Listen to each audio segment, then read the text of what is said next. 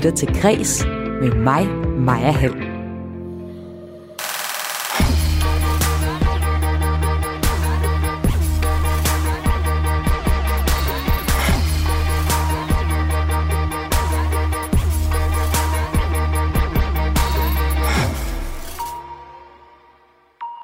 Sensationshungrende og amatøragtig.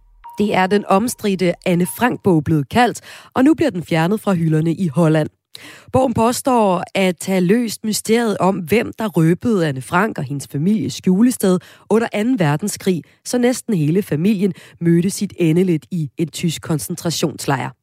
Det var en hæftig påstand, som trak overskrifter overalt i verden, men måske var det også en for hæftig påstand. For bogen har siden mødt kras kritik, og nu har forlaget bag bogen altså trukket den tilbage.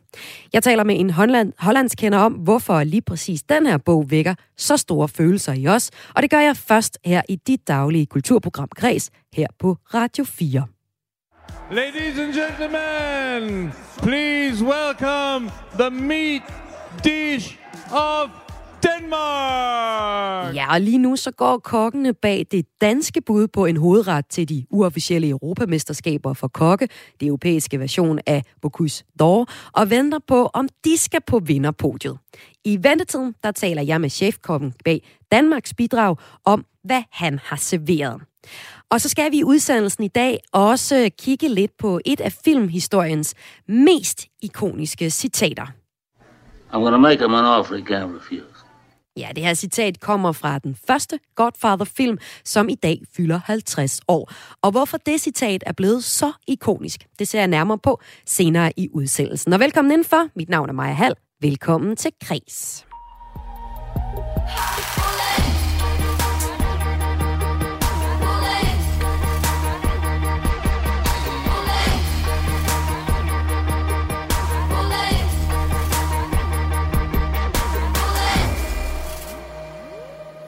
Med navnet Hvem forrådte Anne Frank hævdede at have løst et af de største mysterier fra 2. verdenskrig.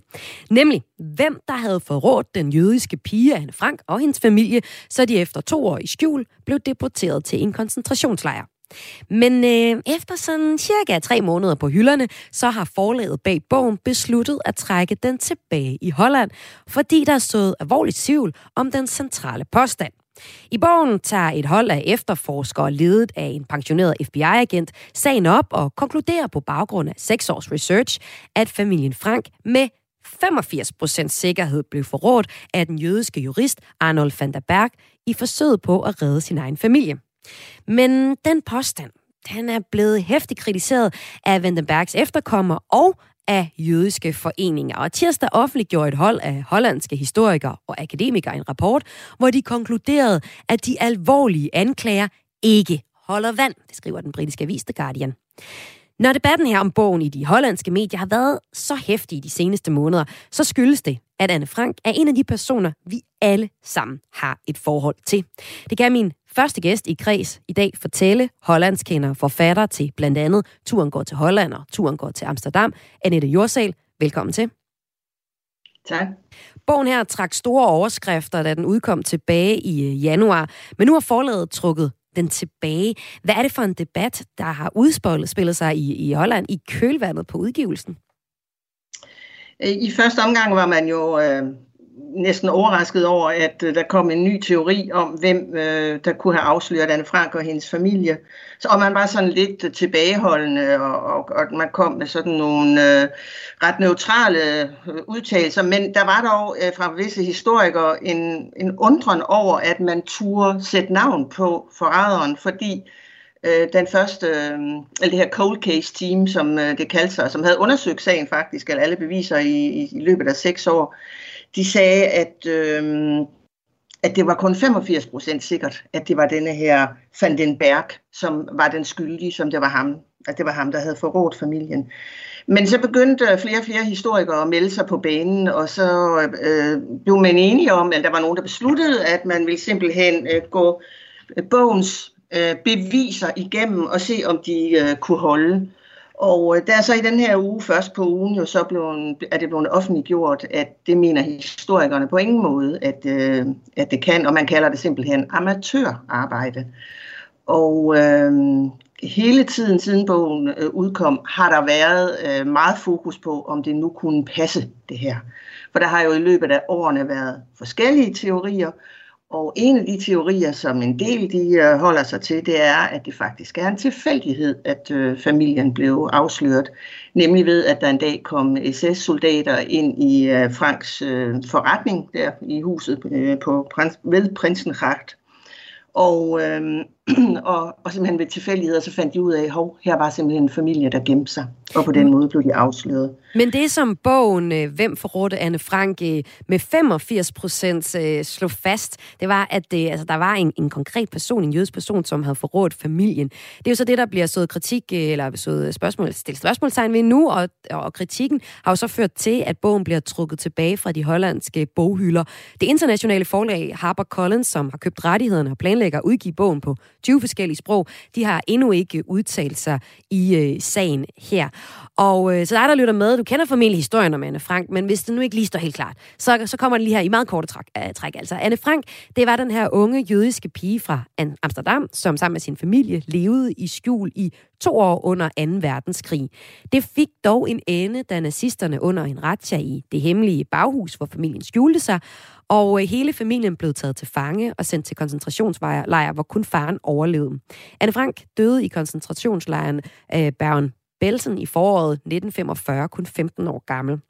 Hendes dagbog, den er tilbage, og den dækker over de to år, familien levede i skjul og bliver betragtet som et af de væsentligste vidnebyrd fra krigen, fordi den fortæller om livet som jøde og livet i skjul under den tyske besættelse fra et barns perspektiv.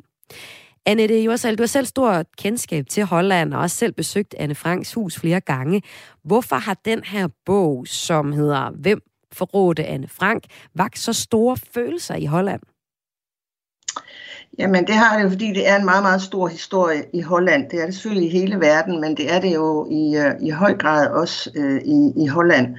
Og, øhm, og, og det, som virkelig har trigget mange, det er, at man turde gå ud og sige, at øh, sætte navn på en mand, og det var ham, der var skyldig, med 85 procents sikkerhed. Ja. Altså der har historikerne jo så også været med til at understøtte den her øh, blæst, der har været om det, for de siger, at det kan man simpelthen ikke tillade sig, og sige, at vi har et 85 procents sikkert bevis på, at det er ham. Ja, fordi noget, der sker i det her, det er jo, at der er nogle efterkommere af Arnold van der Berg.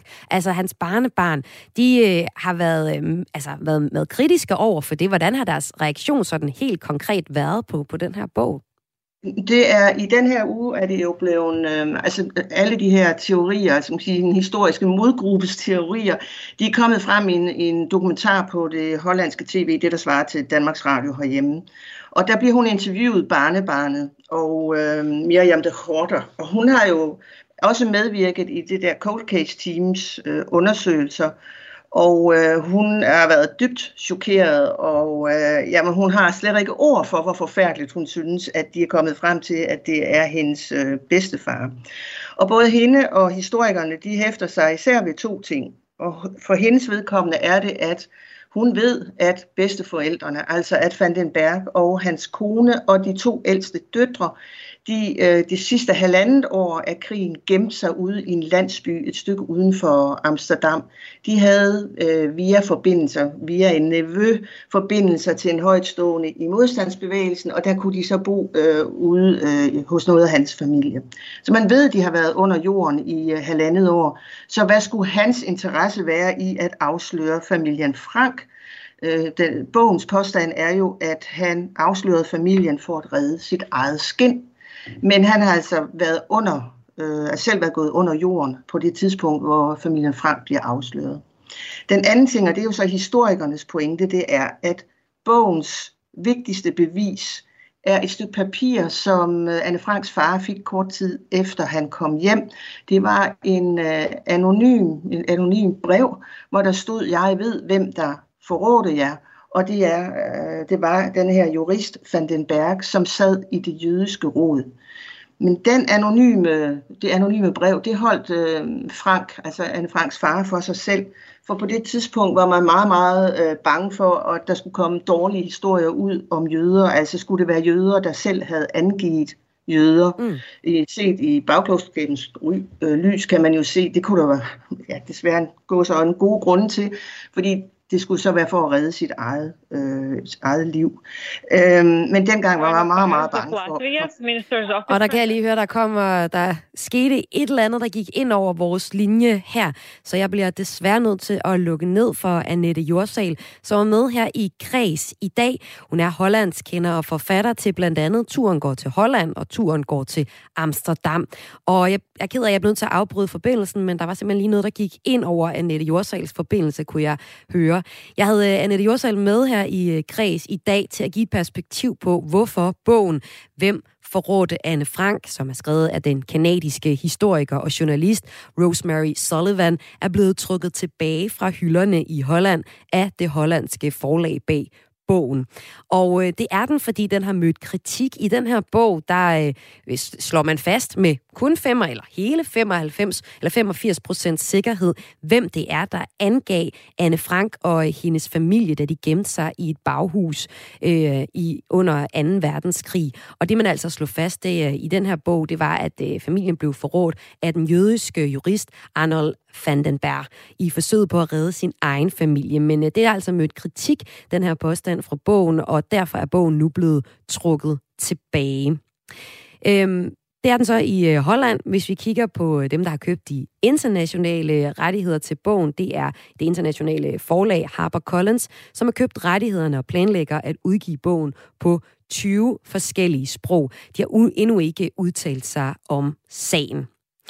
Om lidt her i dit daglige kulturprogram Kreds, der skal det handle om, at det i dag er 50-året for nogle af de mest ikoniske citater. De kommer fra filmen The Godfather, som øh, simpelthen har 50 års fødselsdag, eller jubilæum, om man vil, i dag. Der blev den sendt i de amerikanske biografer på for præcis 50 år siden.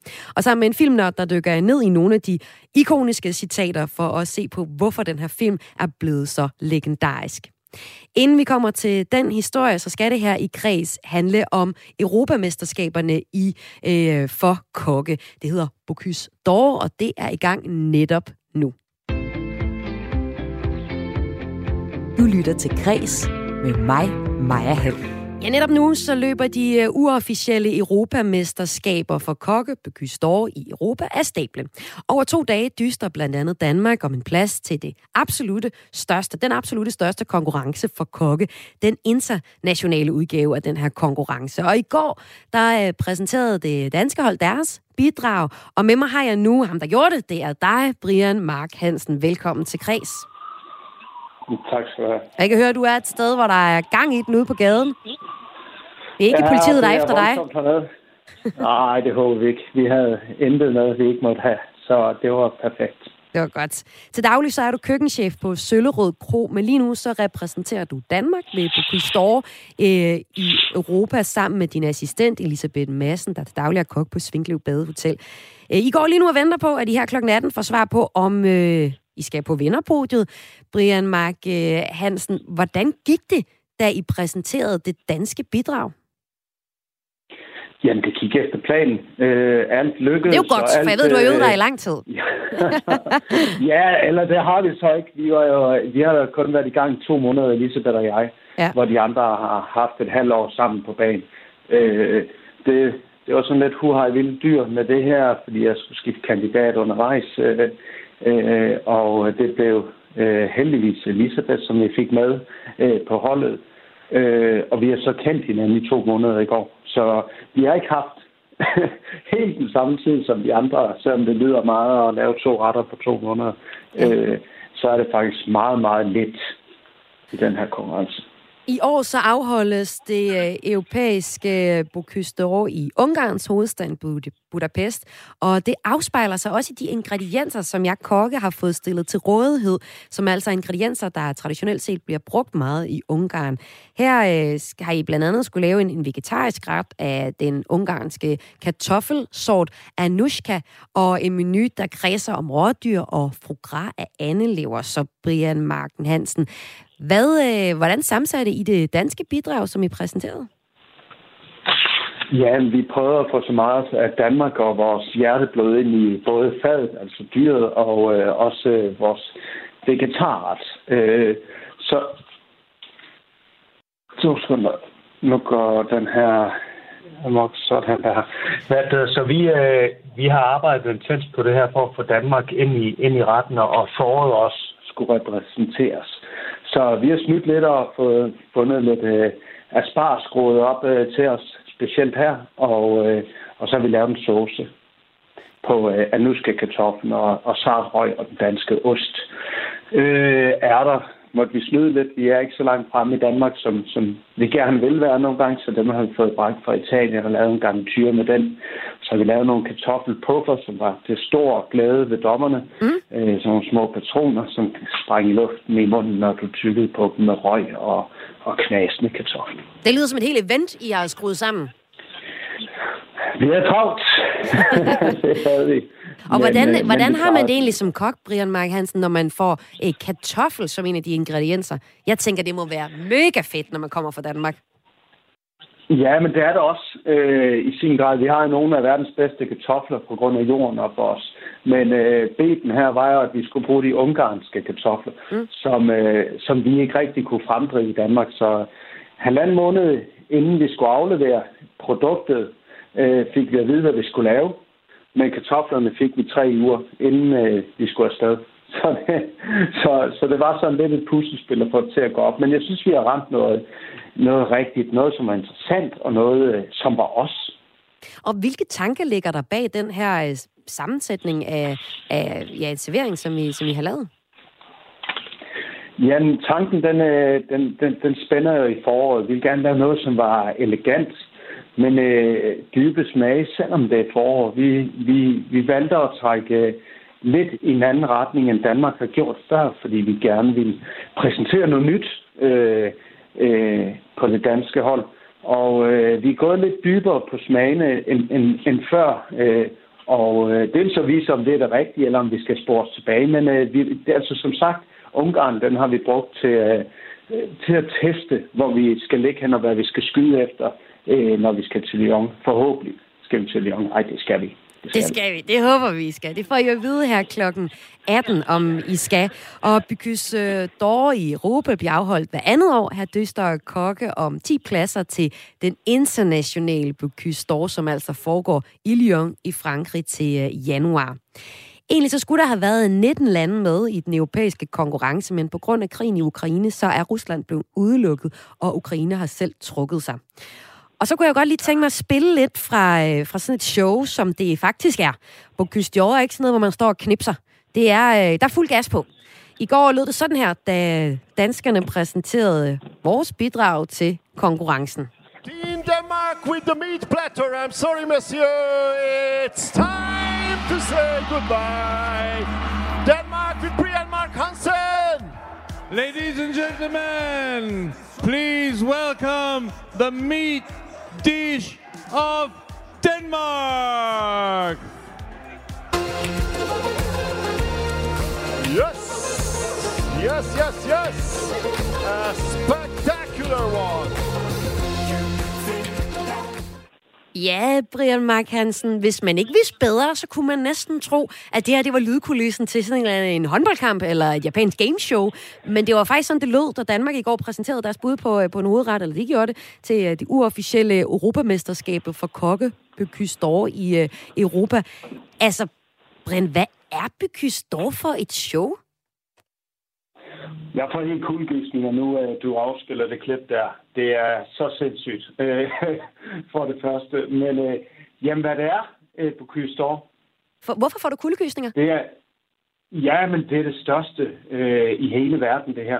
Det er den kokke, altså verdens største kokkekonkurrence. Det, det, du kan forbinde med øh, VM i fodbold. Det er, det er det samme for kokke. Det er det samme som VM i fodbold. Øh, Øh, noget, man, man, øh, man stræber efter, noget, man bygger op øh, igennem et helt liv. Øh, noget, noget, som er på nuet. Det er det, altså, vi, vi står dernede i båsen, og går du øh, får din steg 20 sekunder for meget, så er du, så er du dømt ude øh, af gamet. Det er det samme, hvis øh, Ronaldo han ikke øh, låser den på et straffespark. Øh, så, så er de ude. Øh, det, er, det, det, det, er, det, det er vanvittigt, og det er intenst, og ja, jeg er blevet helt, øh, helt øh, rundt på gulvet af at høre det der øh, klip igen. Jamen, så spiller jeg da lige lidt af det igen, så det kunne blive endnu mere rundt på gulvet. It's time to say goodbye. Fordi øh, det, du beskriver her, det forstår jeg virkelig godt. Det er en kæmpe konkurrence, og den er enormt vigtig for dig som kok, Brian Mark Hansen. Men det her, det lyder også lidt fjollet i mine ører, så jeg kunne godt tænke mig at få sat nogle ord på. Hvad er det for et show, det her? Ja, men det er, det er, det er som en landskamp. Øh, der står øh, tilhængere fra alle lande op på øh, lægterne. Du skal se det som stadion, at de står og kigger ned på os. Og så står de og buer og, og hæpper på det gældende land. Øh, og, øh, og så står vi så øh, ja, 10 lande gang øh, og laver mad og sender afsted 10 minutter efter hinanden. Ikke? Så hvis du lige er ved at øh, stege kødet for meget, bliver der så buet eller øh, hujet eller sådan noget? Nej, nej, det gør man ikke, fordi de ved det ikke øh, på lægterne. Ah, okay. Øh, men det ved man selv, og det ved de 10 dommer, gældende ja. dommer, som skal smage... Øh, øh, først øh, 10 dommer, der smager din tallerkenret, og så øh, 10 andre lande, øh, som smager et fad, ikke? Og, øh, og det ved de jo. Det er jo øh, nogle af verdens bedste kokke, der sidder og spiser der. Så de ved sgu godt, hvordan man skal, undskyld med sprog, stege, øh, stege bøffen, øh, og hvordan den skal smage og se ud. Jamen, fordi det, du siger på Kystår, er en kæmpe begivenhed inden for din uh, branche som kok. Du sagde før, at de har jo haft uh, lidt for kort tid i din optik uh, til, at, eller i hvert fald sammenlignet med alle andre, til, til dig og din kollega at, at lave den her ret og arbejde sammen med jeres uh, præsentation og det danske bidrag til Bykystår. Men du har jo træ, har trænet siden 3. juledag. Hvor mange timer har du så lagt i, uh, i forberedelserne til det her? Jamen, vi, altså, vi, øh, vi arbejder 14 timer om dagen som minimum. Øh, og det gør vi en 5-6 gange om ugen. Øh, så ja, nu har jeg ikke lige min regnemaskine på mig, men vi kokker, vi tæller ikke timer. Øh, det er jo, som sagt, er det en passion, og, og, og, og det er bare derud af, vi, øh, vi kører ind til, til vi vælger om. Øh, men der er mange timer, der kommer til at ligge endnu flere timer bag. Ikke? Og så har I et, et træningskøkken øh, i Valby, som er en en-til-en kopi af køkkenet dernede. Og, øh, og når I træner her, så er der en ghettoplaster skruet op så højt op, at I ikke kan tale sammen. Fordi at til selve konkurrencen, som man også kunne høre, da jeg spillede lidt af musikken, ja, så er der så meget gang ind, der er musik, og der er rigtig meget publikum, der, øh, der huger. Og man bliver nødt til at kommunikere med fakta. Altså, hvad havde I fungeret jeres fakta så til præsentationen? Ja, men alt det fungerer, Elisabeth og jeg. Selvom vi kun har kendt hinanden i to måneder, så er vi blevet en ret, ret hæftig duo. Mm. Og, øh, og øh, altså, det, er, det, det kørte øh, på skinner i går. Og, øh, og ja, jeg, det, var, det, det var faktisk en drømmedag for os øh, øh, dernede. Vi ved, hvad vi skal nu, og hvordan vi agerer i, i, i det her pres, som det er og, øh, og, og hvor vi skal hen af. Øh, så, øh, så man kan godt glæde sig til, til det danske bidrag i Leon. Ja, det håber vi jo. Fordi i 2021, der vandt øh, danske Ronny Væksø Mortensen sølv i den internationale konkurrence, altså den, som du er i gang med at kvalificere sig til. Og to år for inden i 19, der løb Kenneth Toft Hansen med guldet. Så. Korrekt. Kommer I til at vinde? Ja, men det er jo en vis... Uh, Kommer I videre? det gør vi. Ja, det gør vi. Er din forventning af? Det er en vis æresfrygt. Uh, Ja, det er det. Vi, øh, jeg forventer mig bestemt, at vi kommer videre. Det har hele tiden været strategien. Det var, at vi skal suge så meget til os af altså erfaring af den her konkurrence. Vi, vi sigter ikke mod podiet øh, den her gang, fordi at vi som sagt kun har kendt hinanden to måneder. Men, men vi skal med, og vi skal suge så meget til os øh, hernede nu, som vi kan. Øh, og det har vi tænkt os at gøre, eller det har vi gjort. Og, øh, og så er planen, eller strategien, som den har været lige fra day one, at vi skal på podiet i Lyon. Øh, og øh, ja, det kommer vi. Det, det kommer vi. Siger du også det, fordi det, de andre, det, de, de fumlede lidt for meget med kartoflerne? Er det derfor, du kan sige det, Brian? Nej, der, der var ikke nogen, der fumlede i går. Øh, alle, alle var topmotiveret, og niveauet tror jeg aldrig har været højere. Øh, øh, i den her konkurrence, som faktisk var og er i dag. Altså, du lyder er, jo ret selvsikker, Brian Mark Hansen, og det synes jeg er skønt. Øh, så tror jeg også på dig.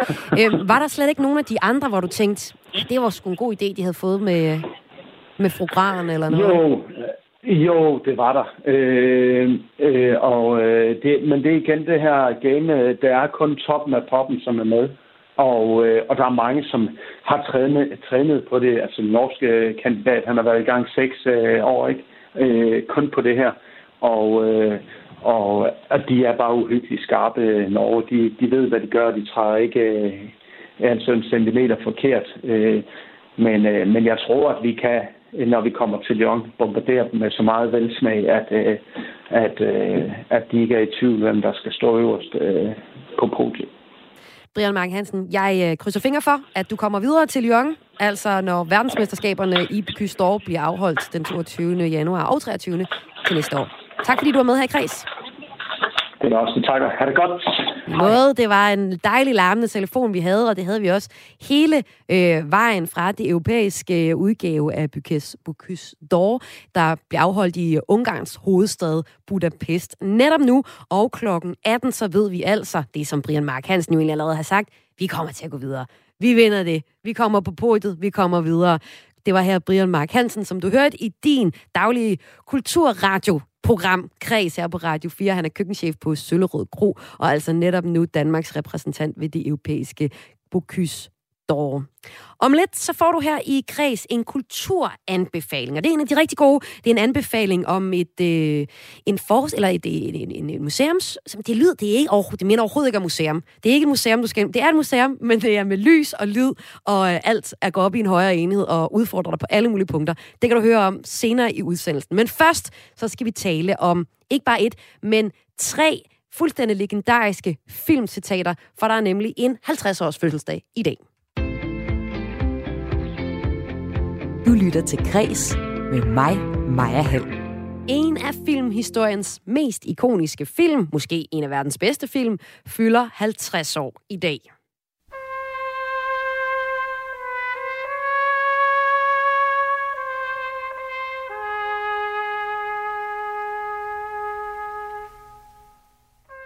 Den første af de tre The Godfather-film udkom nemlig præcis for 50 år siden i de amerikanske biografer. Filmen handler om magt og familiedrama i en mafiafamilie i New York.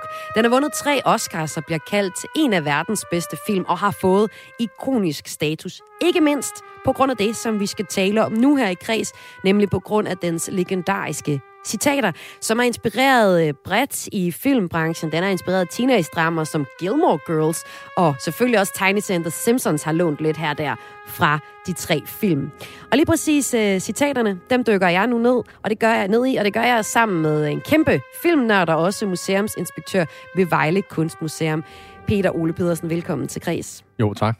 Hvorfor synes du, at The Godfather er så god en film? Det synes jeg, fordi den er eviggyldig, og det er en, øh, det er en film, som aspirerer til at blive en klassiker og er blevet det. Øh, det er, som du selv nævnte, et familiedrama og jo en film, hvor man sådan over en historisk periode fra 1945 til 1955 følger den her Corleone-familie, og sådan, kort fortalt, så følger man øh, altså overhovedet i familien, øh, Vito Corleones øh, sådan, at han stille og roligt bevæges ud, og, og, øh, og en anden af hans sønner overtager magten, og der er ligesom sådan en magtkamp mellem tre sønner og en Som er også ret forskellige. Tre ret forskellige sønner, som... Øh, som tre, kan... tre ret forskellige sønner, jamen det er jo helt øh, sådan... Øh, øh, hvad skal man kalde det? Det er jo sådan en helt klassisk øh, mytologisk fortælling. Der er den øh, impulsive, aggressive Sonny, som er storebroren i familien. Så er der den sådan Øh, øh, underkudet svage Fredo, som er den mellemste søn, og så er der, øh, ja, hvad kan man kalde det, overraskelsen, den, øh, den øh, øh passionerede, men også følsomme Michael, som er den unge øh, lille, den lillebror i familien, og han, det er jo ligesom ham, det behøver jeg vel ikke at være nogen overraskelse, at det er ham, der ligesom bliver gudfar, bliver hoved, Øh, øh, øh, skikkelsen i familien til slut i filmen. Ikke? Og det, du fremhæver ved den her film, som vi også kommer ind på i den her snak, det er, øh, hvordan øh, filmen egentlig, øh, måske på nogle punkter i hvert fald familiedramaet i det, vækker genklang hos mange af os. Så øh, hvem af de tre sønner øh, identificerer, identificerer dig, du der med? Eller er det mere The Godfather himself? Ej, det, det er ikke The Godfather himself. Det er jeg alt for lidt patriark til, og alt for lidt sådan, øh, man kan sige, Vito Corleone spillede jo et ikonisk af Marlon Brando, mm. er øh, en gammeldags mand, og det er også det, der ligesom er pointen i filmen, at der ligesom er en, en ny form for øh, businessman version af en mafiaboss, der overtager i den her familie, og, og at alt det, der før har været impulsivt og familierelationsdrevent, det er det så også stadigvæk. Man må aldrig forråde familien, øh, og, og selvfølgelig noget, der, der bevæger sig uden for øh, lovsamfundet.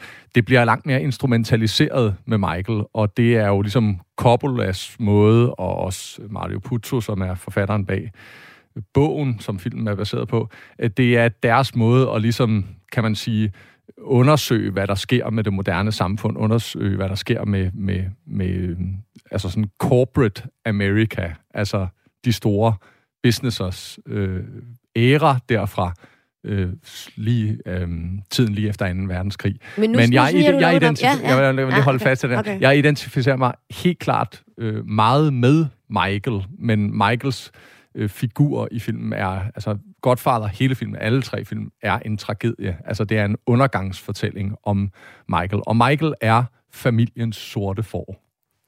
Og øh, du har peget på tre vigtige citater fra den første film, som er den, der har øh, 50 års øh, jubilæum i dag. Og lad os tage det første citat, øh, for egentlig også lige at, at blive lidt ved, hvad det er for en film. Det her det er et af de allerførste replikker, der falder, og der bliver sagt i hele Godfather-trilogien. I believe in America. America has made my fortune. Hvem siger det her citat?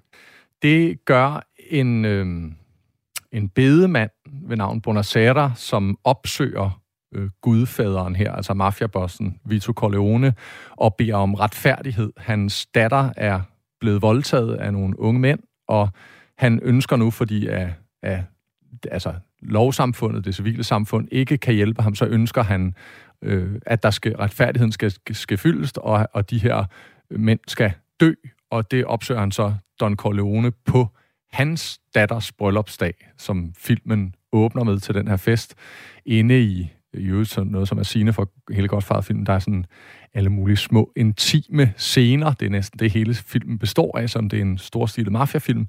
Så øh, på kontoret her hos Don Corleone opsøger han ham, og så beder han om retfærdighed. Og så svarer Vito Corleone her i skikkelse af Marlon Brando øh, i den her berømte scene, hvor han så kæler med en kat. Mm-hmm. Noget som jo en, en, en, en levende rekvisit, som jo var noget, Marlon Brando bare fandt på. Så svarer han så, at du har aldrig vist mig nogen respekt. Du har aldrig ligesom kommet til mig og, og givet mig øh, din respekt, og, og, og det kræver han så af ham. Så det er sådan på en eller anden måde sådan en, en uheldig pagt, som, som han skal indgå ham her, Bonacera, og han ender selvfølgelig også med sådan ligesom at, at kysse Donnens hånd, og så øh, på den måde kan han ligesom få, øh, få taget hævn. Men, han, men, men det er i et, et sådan, som også er sigende for Vito, det skal sådan ligesom udmåles på en, efter hans sådan street justice, så der er ikke nogen, der bliver slået ihjel. Altså, de bliver gennembanket, de der øh, voldtægtsmænd, men, men som han siger, i hans logik til,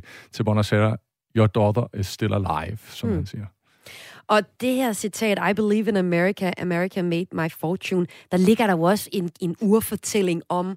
Øh, ja, en amerikansk drøm, vil jeg også sige, det hele den her. En, en amerikansk drøm, men absolut også selvfølgelig i, i en, en film som, som Godfather, en, en mulighed for at undersøge skyggesiden af mm. den amerikanske drøm. Det er jo en, en film, hvor der er, er øh, gennem, hvor historien gennemstrømmes af vold og, og øh, intriger og tragedier og kranke menneske, menneskeskæbner.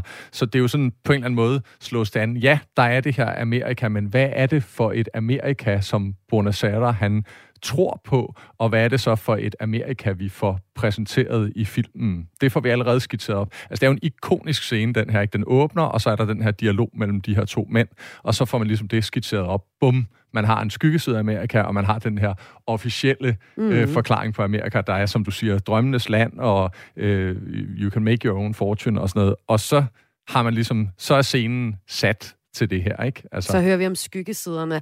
Og øhm, nu, nu nævner du det her med katten, ikke? Altså, han står og, og ærer sådan en kat. Det er jo en scene, som med det samme, du bare beskriver den for mig, så kan jeg se den i tusind andre film, ikke? Har vi en, en skurke af en slags, eller i hvert fald en med en stor mørk side, så har vi også tit særlig karikeret øh, film, en lille kat, der bliver, der bliver nusset bag ørerne. Ja, den er, den er, der, der er utallige ting i Godfather-filmen, som ligesom har fået sådan en resonans, hvor de bare bliver genbrugt og mm. gentolket i alle mulige... Altså faktisk fundet, uh, fundet, ifølge IMDb, så er der minimum 150 forskellige referencer i, til The Godfather, som optræder i andre udgivelser. Altså, det siger jo øh, noget om, hvor stor en film det er, at man simpelthen har snuppet så meget fra den her film. Det, det siger noget om det, og så siger det måske også noget om, om Godfather-filmen, ikke? som i sig selv også på en eller anden måde er sådan et øh, sammenkog, som mange sådan moderne vær- værker er, altså sådan et sammenkog af alle mulige myter mm. og mhm. fortællinger. Ikke? Det er jo sådan en fortælling om af, af shakespearianske øh, dimensioner. Man siger også gerne sådan, jeg tror, der, der var sådan en, øh, måske var der sådan en, en 40-års øh, øh, jubilæum for filmen, hvor Francis Ford Coppola instruktøren der, han ligesom blev præsenteret i en stor amerikansk biograf, så sagde intervieweren der, øh, der øh, man citerer for tre værker, Bibelen, Shakespeare og The Godfather. Ikke? Altså, ja. Så den har jo den der vilde, vilde status. Ikke? Og et af de citater, som rigtig mange har brugt, og er, bliver brugt fortsat, jeg tror aldrig, det stopper, det er et citat, vi skal høre nu, og det er nemlig det, vi gør her i Kreds. I dag, vi dykker ned i The Godfather, den første film, der i dag fylder 50 år. Det gør jeg sammen med filmnørd og også museumsinspektør Peter Ole Pedersen. Det er særligt citat, vi skal høre nu. Lad os da bare høre det. I'm gonna make him an offer he can't refuse. Ja, jeg giver ham et tilbud, han ikke kan sige nej til. er det altså godfaren uh, John, vi hører sige her. Det er jo egentlig en trussel. Hvorfor siger han det?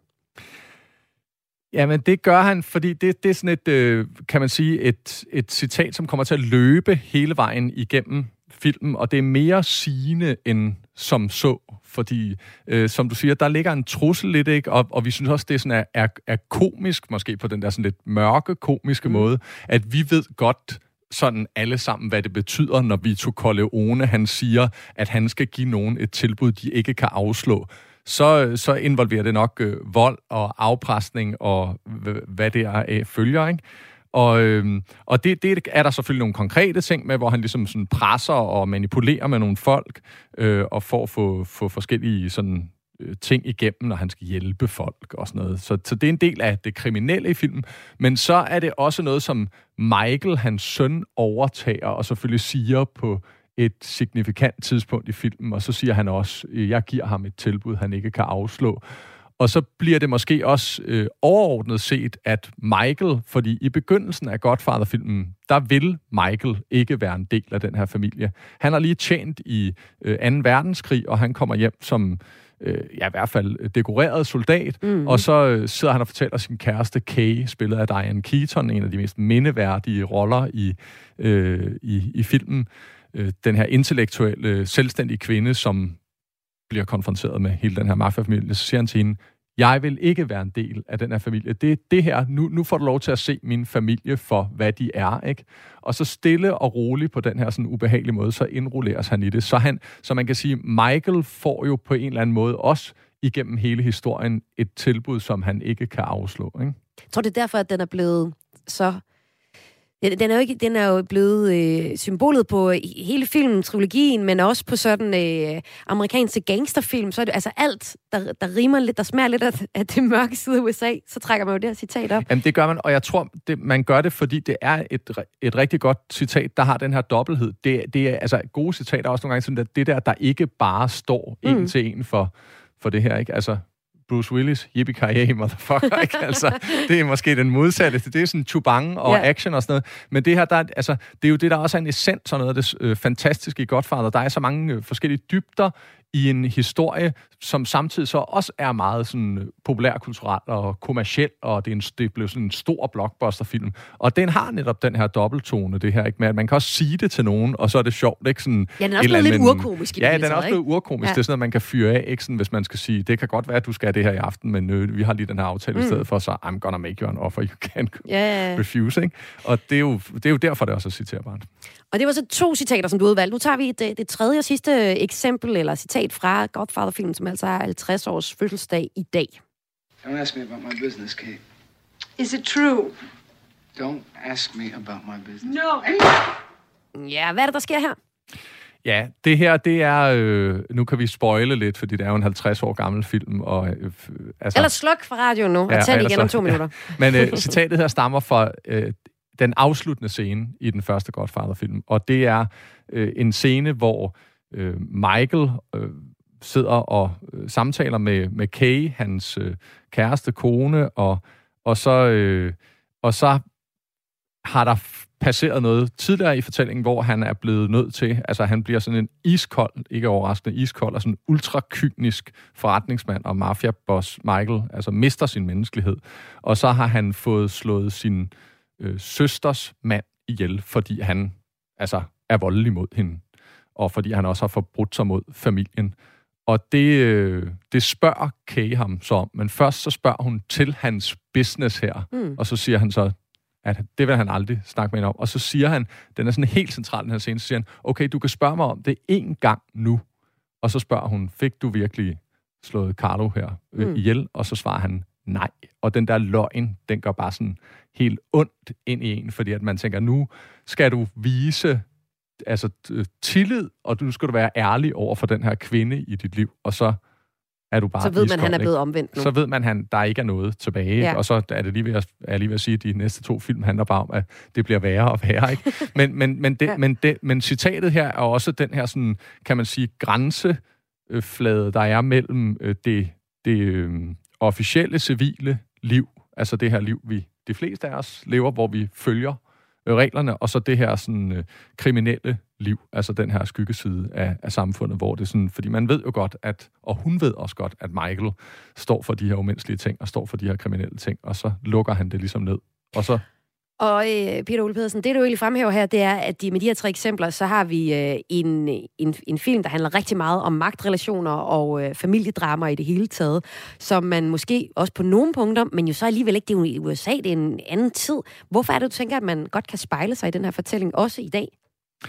Jamen, det tror jeg, man kan, fordi at ja, på overfladen, så er, øh, så er Godfather en film, der handler om, om kan man sige, øh, øh sådan kriminelle øh, foretagender og sådan nogle forbrydersyndikater og sådan noget. Men, men så er den jo, det er jo samtidig slet ikke, fordi det er en film, der handler om menneskelige relationer. Altså, den handler om en familie, og så bruger Coppola øh, Puzos bog her med, med alle de her familierelationer, og det her, som også har, har bundet sig til den italienske øh, mafia, øh, til ligesom at undersøge ud i ekstremerne, hvad er det med familierelationer? Mm. Hvad, hvad er det? Hvad er, hvad er rollen for familiens sorte for? Hvad er omkostningerne der? Hvad er øh, omkostningerne for den svage bror øh, i flokken?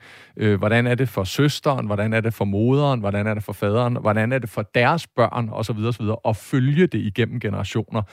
Og det er jo bare sådan en universal appeal, som den her film får, ikke? Fordi vi er alle sammen født ind i en familie på godt og ondt. Altså, hvor vi, der er nogle gode relationer nogle gange, der er nogle svære relationer. Og der er nogle relationer, vi ikke kan komme udenom. Og der er nogle relationer, det, vi ikke kan komme udenom. Vi, kan ikke, vi bliver en del af filmen, eller vi bliver en del af familien. Og det er måske netop, øh, hvad hedder det, Godfathers genial, eller genistregen i film, ikke? at man så bruger det her sådan øh, store dramatiske univers i den her film, som også handler om nogle store historiske øh, øh, scenerier og sådan noget, ikke? Og, og Amerika som nation og sådan noget. Og så bruger man det til at egentlig undersøge det her med sådan, de her helt nære, intime familierelationer.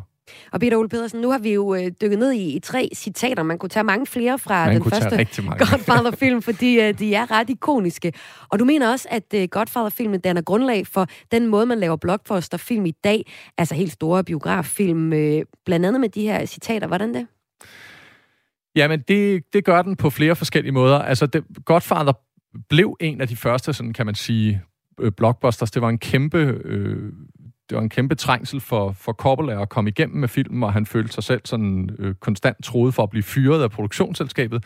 Men, øh, men han øh, var jo viljestærk og jo en virkelig, virkelig øh, geni af en instruktør, så han fik kørt alle de her ting igennem, og noget var for eksempel castingen.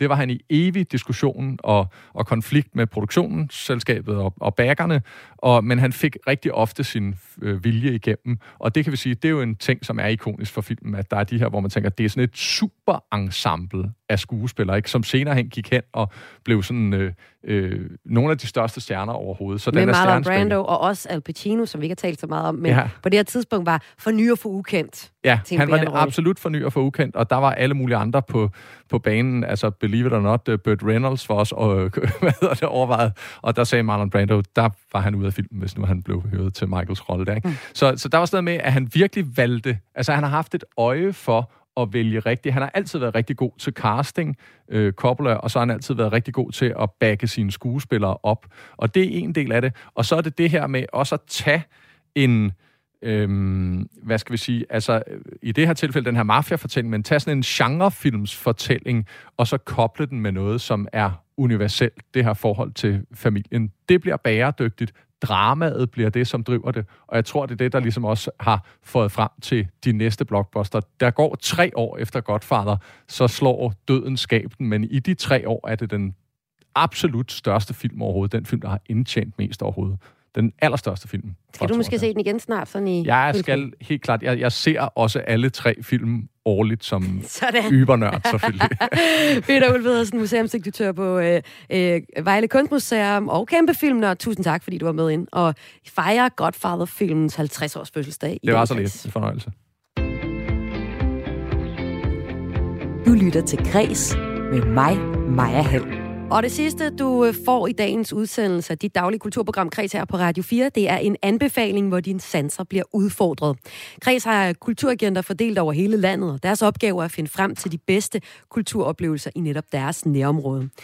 Det sidste, vi skal i dag, det er til øh, hovedstaden, hvor øh, Nina Rasmussen har besøgt Copenhagen Contemporary udstilling Light and Space.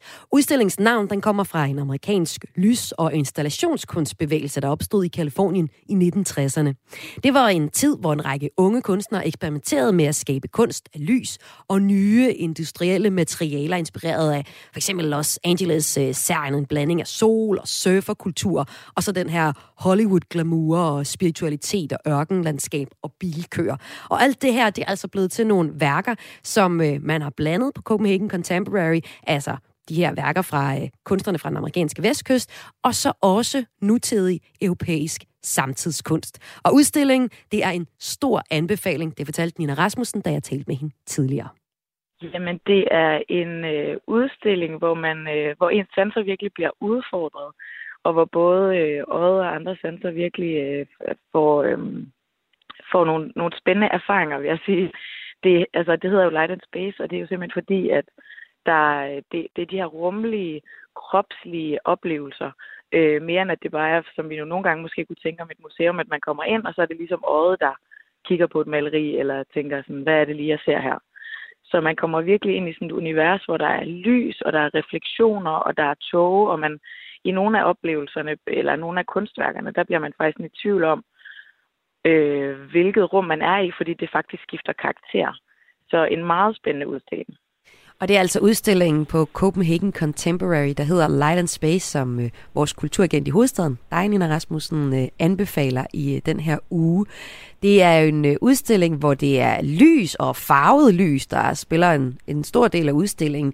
Hvordan var det som øh, museumsbesøgende at, at se på? Jamen, det var rigtig spændende, øh, fordi man kunne se, at altså, det er nogle øh, amerikanske kunstnere fra, fra 60'erne, som ligesom er blevet meget kendte for at arbejde med det her med glasfiber og epoxy og ternet glas.